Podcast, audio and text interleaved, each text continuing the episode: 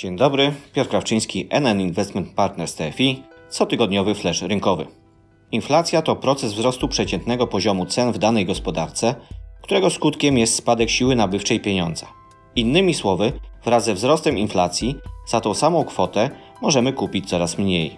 Nic zatem dziwnego, że publikowane przez Główny Urząd Statystyczny dane o inflacji w naszym kraju wzbudzały w ostatnich tygodniach tyle emocji wśród inwestorów.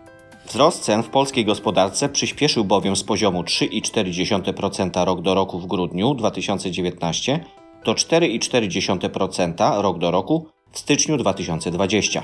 To najwyższy poziom od 8 lat. Przyczyny tego gwałtownego wzrostu inflacji należy upatrywać przede wszystkim w wyższych cenach energii elektrycznej czy też drożejącej żywności. Wyższa inflacja to także wyższy poziom oczekiwanej przez inwestorów stopy zwrotu. W konsekwencji nowe emitowane obligacje mają wyższy kupon, a w przypadku tych znajdujących się już w obrocie dochodzi do dopasowania cenowego. I z taką właśnie sytuacją mieliśmy do czynienia w przypadku polskich obligacji skarbowych.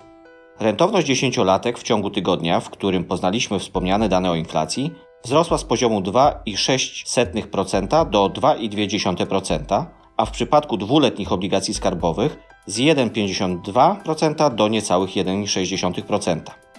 Fundusze krótkoterminowych polskich papierów dłużnych zarządzane przez NN Investment Partners TFI zachowały się w tej sytuacji stabilnie. NN krótkoterminowych obligacji zyskał 0,14%, a NN krótkoterminowych obligacji plus zniżkował o 0,08%.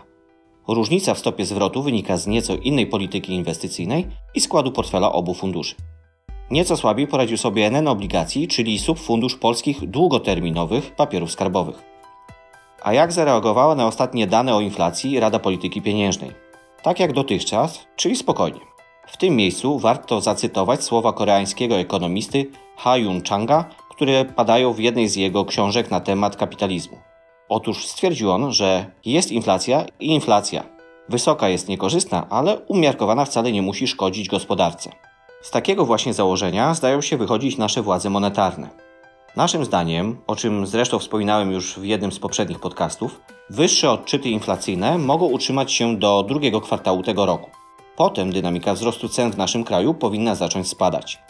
Nie można jednak zapominać, że w tle tych rynkowych wydarzeń przewija się nadal temat epidemii koronawirusa i jego możliwego wpływu na globalną gospodarkę.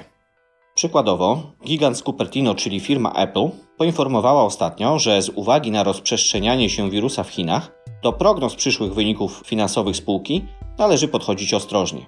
A to tylko jeden z wielu przykładów. Nic zatem dziwnego, że na rynku finansowym coraz częściej mówi się o możliwych działaniach wspierających ze strony banków centralnych, wśród których obniżka stóp procentowych jest jedną z opcji.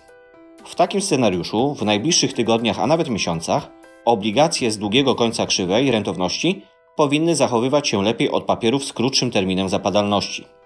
Tak właśnie zachowały się też nasze fundusze dłużne, gdzie po początkowym szoku wywołanym odczytem inflacji, to NN obligacji wykazał się największą dynamiką wzrostu w ostatnich dniach.